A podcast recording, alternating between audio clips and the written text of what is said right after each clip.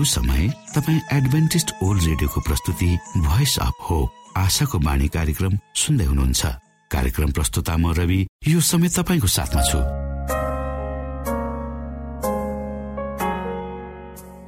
मानव जातिमा देखाइएको परमेश्वरको प्रेम र अनुग्रह तपाईँसँग बाँड्ने उद्देश्यले तपाईँकै आफ्नै प्रिय कार्यक्रम आशाको बाणीमा यहाँलाई हामी न्यानो स्वागत गर्दछौँ। आशाको बाणीको आजको प्रस्तुतिबाट पनि तपाईँले परमेश्वरसँग नजिक रहेको अनुभूति गर्नुहुनेछ भनेर हामी आशा राख्दछौ। आउनु श्रोता यो मधुर भजनसँगै हामी हाम्रो मुख्य कार्यक्रम तर्फ लागौ।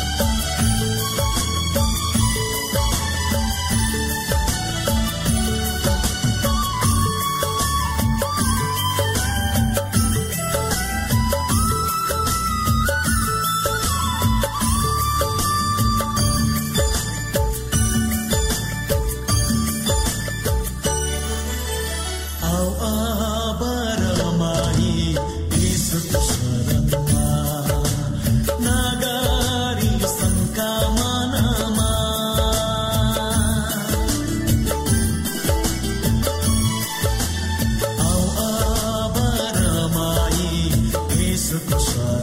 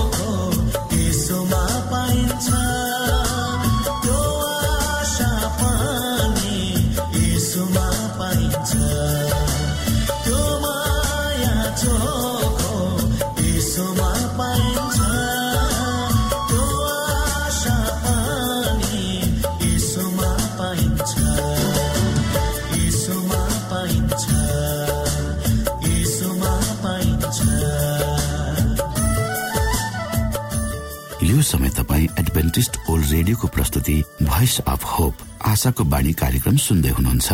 श्रोता मित्र यो समय हामी पास्टर उमेश पोखरेलबाट आजको बाइबल सन्देश सुन्नेछौ। श्रोता साथी न्यानो अभिवादन साथ म तपाईँको आफ्नै आफन्त पास्टर उमेश पोखरेल। परमेश्वरको वचन लिएर यो रेडियो कार्यक्रम मार्फत तपाईँहरूको घर आँगनमा पुनः उपस्थित भएको छु। मलाई आशा छ तपाईँले हाम्रा कार्यक्रमहरूलाई नियमित रूपमा सुन्दै हुनुहुन्छ र परमेश्वरका आशिषहरू प्राप्त गर्दै हुनुहुन्छ। श्रोता आजको प्रस्तुतिलाई पस्कनु भन्दा पहिले आउनुहोस् हामी परमेश्वरमा अगुवाईको लागि बिन्ती राख्नेछौँ। जीवी जिउँदो महान दयालु परमेश्वर प्रभु हामी धन्यवादी छौँ यो जीवन र जीवनमा दिनुभएका प्रशस्त आशिषहरूको लागि। प्रभु यो रेडियो कार्यक्रमलाई म तपाईँको हातमा राख्दछु। यसलाई तपाईँको राज्य र महिमाको प्रचारको खातिर यो देश र सारा संसारमा पुर्याउनुहोस्। ताकि धेरै मानिसहरू जो अन्धकारमा छन् तिनीहरूले तपाईँको ज्योतिलाई देख्न सकुन् र तपाईँको राज्यमा प्रवेश गर्न सकुन्। सबै बिन्ती प्रभु यीशुको नाममा।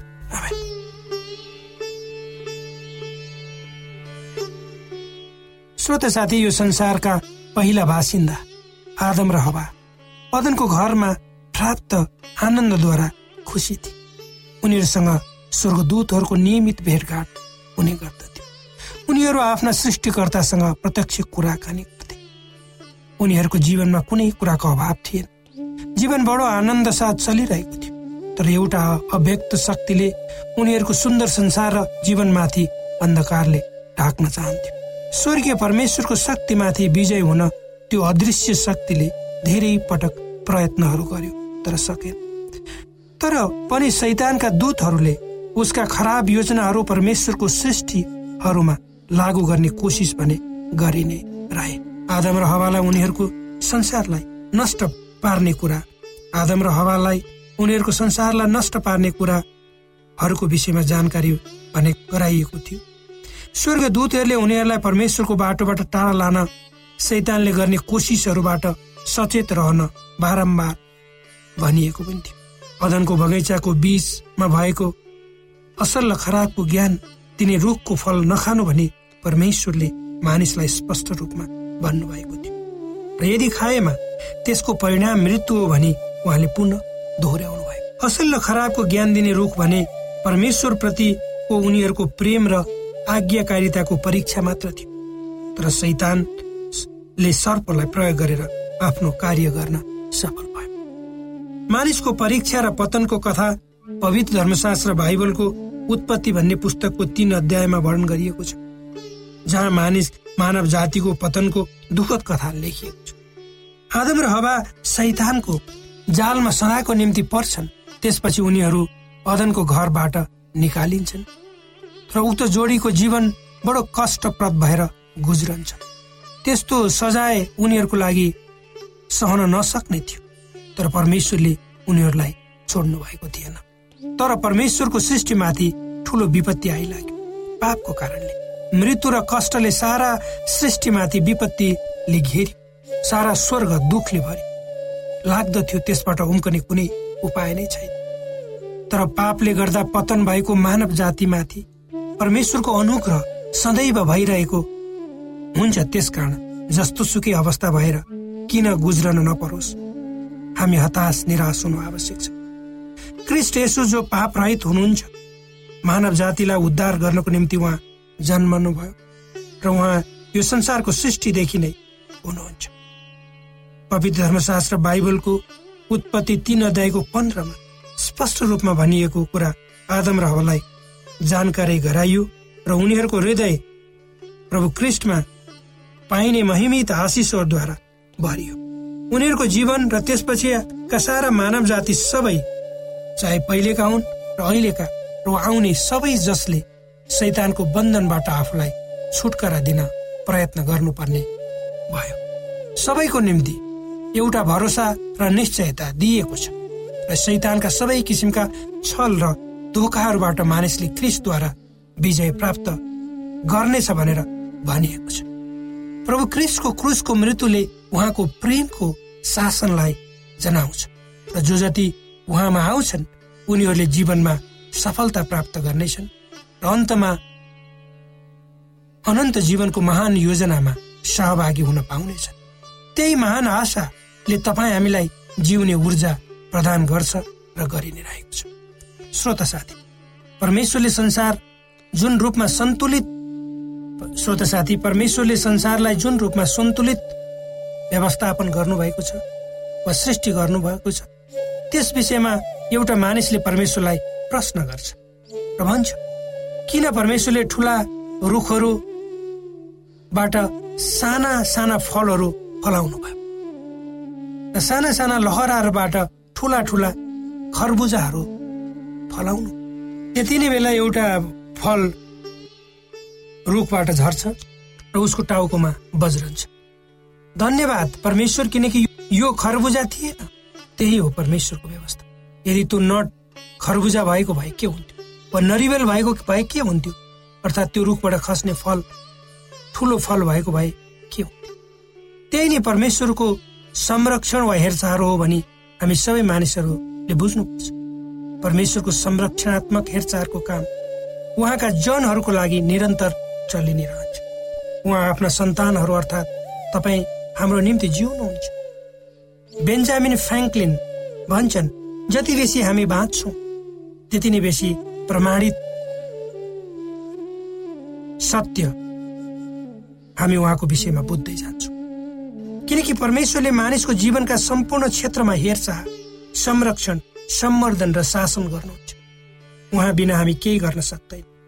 यद्यपि त्यसको अनुभूति हामीले अहिले गर्न नसकेका किन नहौ परमेश्वर तपाईँ हामीसँग हाम्रा जीवनका प्रत्येक पाटामा हुनुहुन्छ र भइ नै रहनुहुन्छ। हामीले त अनुभूति मात्रै गर्न सक्नुपर्छ। वा उहाँमाथि भर पर्न मात्रै सिक्नुपर्छ। हागर एक मिश्री कमारी थिइन्। उनीसँग परमेश्वर बोल्नु भएको कुरा उनी यसरी भन्छन् मलाई देख्नुहुने परमेश्वर तपाईँ हुनुहुन्छ। किनभने उनले भनिन् मैले साँच्चै नै परमेश्वरलाई देखेकै छु। र उहाँलाई देखेर म जीवित छु। आफ्नो कोखबाट बच्चा नभएकोले साराईले अब्राहमलाई भनिन् हेर्नुहोस् परमप्रभुले मेरो कोख बन्द गरिदिनु भएको छ। यसकारण मेरी कमारीबाट मेरो सन्तान हुन सक्छ। र अब्राहमले साराईको कुरा माने तर जब हगार गर्भवती भइन् तब उनले आफ्नो मालिकनी साराईलाई तुच्छ दृष्टिले हेर्न थाले। साराईले भनिन् म माथिको अन्याय तपाईँकै शिरमा परोस्। मैले आफ्नो कमारी तपाईँकै काखमा दिएँ र त्यो गर्भवती हुने बित्तिकै मलाई तुच्छ दृष्टिले हेर्न लाग्यो। परमप्रभुले तपाईँ र मेरो बिचमा इन्साफ गरिदिउन् तब अब्राहमले साराईलाई भने हेर तिम्री कमारी तिम्रै हातमा छे। त्यसलाई जे गर्न मन लाग्छ त्यही। तब साराईले त्यससित कठोर व्यवहार गर्न लागिन् र त्यो तिनको सामान्यबाट भागेर त्यसपछि हागरलाई एक्लै उजाड स्थानमा हुनसक्छ एकदम कष्टप्रद समयमा परमेश्वरका दूतले भेट्टाए र उनलाई सान्त्वना र भरोसा दिए। तपाईँ मेरो परमेश्वर हुनुहुन्छ जसले मलाई देख्नुहुन्छ। त्यो हताश र निराश अवस्थामा थकित भएर पानीको मूल नजिक बसेकी महिलाका ती अव्यक्त शब्दहरूले कस्तो किसिमले उनलाई त्यो कष्टप्रद अवस्थालाई सहन बुझ्न मद्दत गर्यो होला। त्यसको हामी कल्पना गर्न सक्छौँ उनी डरलाग्दो उजाड स्थानमा छिन्। उनी कहाँ जान्छन् उनलाई थाहा छैन त्यस बेला र उनलाई थाहा छैन उनको जीवनमा के हुनेछ। परमेश्वरले त्यस बेला हागरको अप्ठ्यारो अवस्था देख्नुभयो। उनको वास्तविकता परमेश्वरबाट लुके। अनि परमेश्वरका दूतले उनलाई भने तेरी मालिक नै कहाँ फर्केर जा? र तिनकै अधीनमा बस। र पुनः परमप्रभुका दूतले भने म तेरो वंशलाई यति औधी बढाउने छु कि त्यो धेरै भएकोले गन्न सकिने छैन। त गर्भवती छेस छोरो जन्माउने छेस। त्यसको नाम इस्माइल राख्नु जसको अर्थ परमेश्वर सुन्नुहुन्छ। किनभने परमप्रभुले तेरो दुःख हेर्नु भएको छ। श्रोत साथी परमेश्वरलाई जब तपाईँ हामीले आफ्नै आँखाद्वारा देख्छौँ तब त्यहाँ उच्च सान्त्वना र भरोसायुक्त सम्पत्तिहरू हामीले प्राप्त गर्छौँ। यद्यपि हामी विभिन्न किसिमका अप्ठ्यारा परिस्थितिहरू भएर गुजिरहेका किन नहो? किनकि परमेश्वर हाम्रा सबै परिस्थितिहरूबाट परिचित हुनुहुन्छ। कुनै पनि कुरा हामी उहाँबाट लुकाउन सक्दैन। त्यसैले त राजा दाउद पवित्र धर्मशास्त्र बाइबलको भजन सङ्ग्रह एक सय उन्चालिस अध्यायको एक र दुई पदमा परमेश्वरको महिमा यसरी गाउँछ। हे परमप्रभु तपाईँले मेरो पारख गर्नुभएको छ अनि मलाई चिन्नुहुन्छ। तपाईँले मेरो बसाइ र उठाइ जान्नुहुन्छ। टाढीबाट मेरो विचार बुझ्नुहुन्छ। त्यसै गरी भजन सङ्ग्रह बत्तीसको आठमा परमेश्वर भन्नुहुन्छ म तँलाई शिक्षा दिनेछु। त कुन मार्गमा हिँड्नु पर्ने हो सो तँलाई सिकाउनेछु। म तँलाई परामर्श दिनेछु र तँमाथि नजर राख्नेछु। यो पदले हामीलाई परमेश्वरसँग हाम्रो सबभन्दा नजिकको सम्बन्ध र निरन्तर सङ्गतिको कुरा हामीलाई बताउँछ। श्रोत साथी परमेश्वरको एक नजरले मात्र हामीलाई हाम्रो जीवन कतातिर जानुपर्ने हो सो स्पष्ट बताउँछ र हामीलाई अगुवाई गर्छ। परमेश्वरले यी वचनहरूद्वारा तपाईँ र मलाई अगुवाई गर्नुहोस्।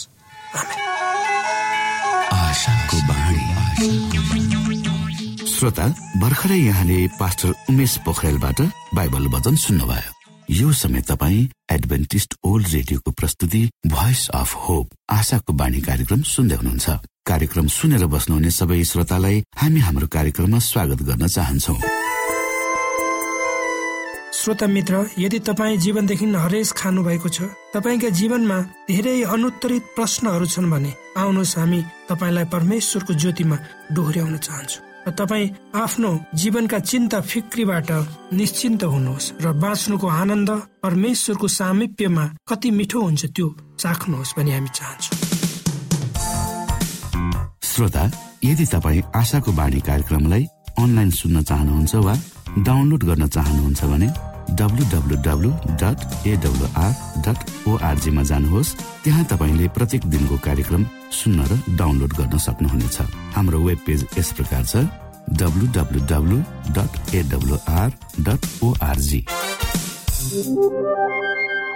श्रोता यदि तपाईँ हामीसित सिधै फोनमा सम्पर्क गर्न चाहनुहुन्छ भने हाम्रा नम्बरहरू यस प्रकार छन्।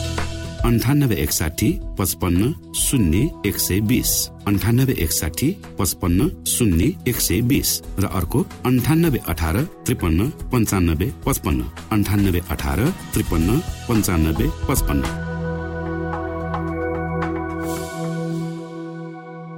श्रोता मित्रहरू ख्रिस्टेसुको नाउँमा न्यानो अभिवादन जय मसिंह। म तपाईँहरूको साथी उमेश मन थापा सदा झै आज पनि तपाईँहरूको रेडियो सेट सामु उपस्थित भइसकेको छु। श्रोता मित्रहरू आज म तपाईँहरूको माझमा तपाईँ अनि मैले हामी सबैले प्रयोग गर्ने मास्कले कति प्रदूषण रोक्छ त्यसको विषयमा केही जानकारी हासिल गर्नेछौ।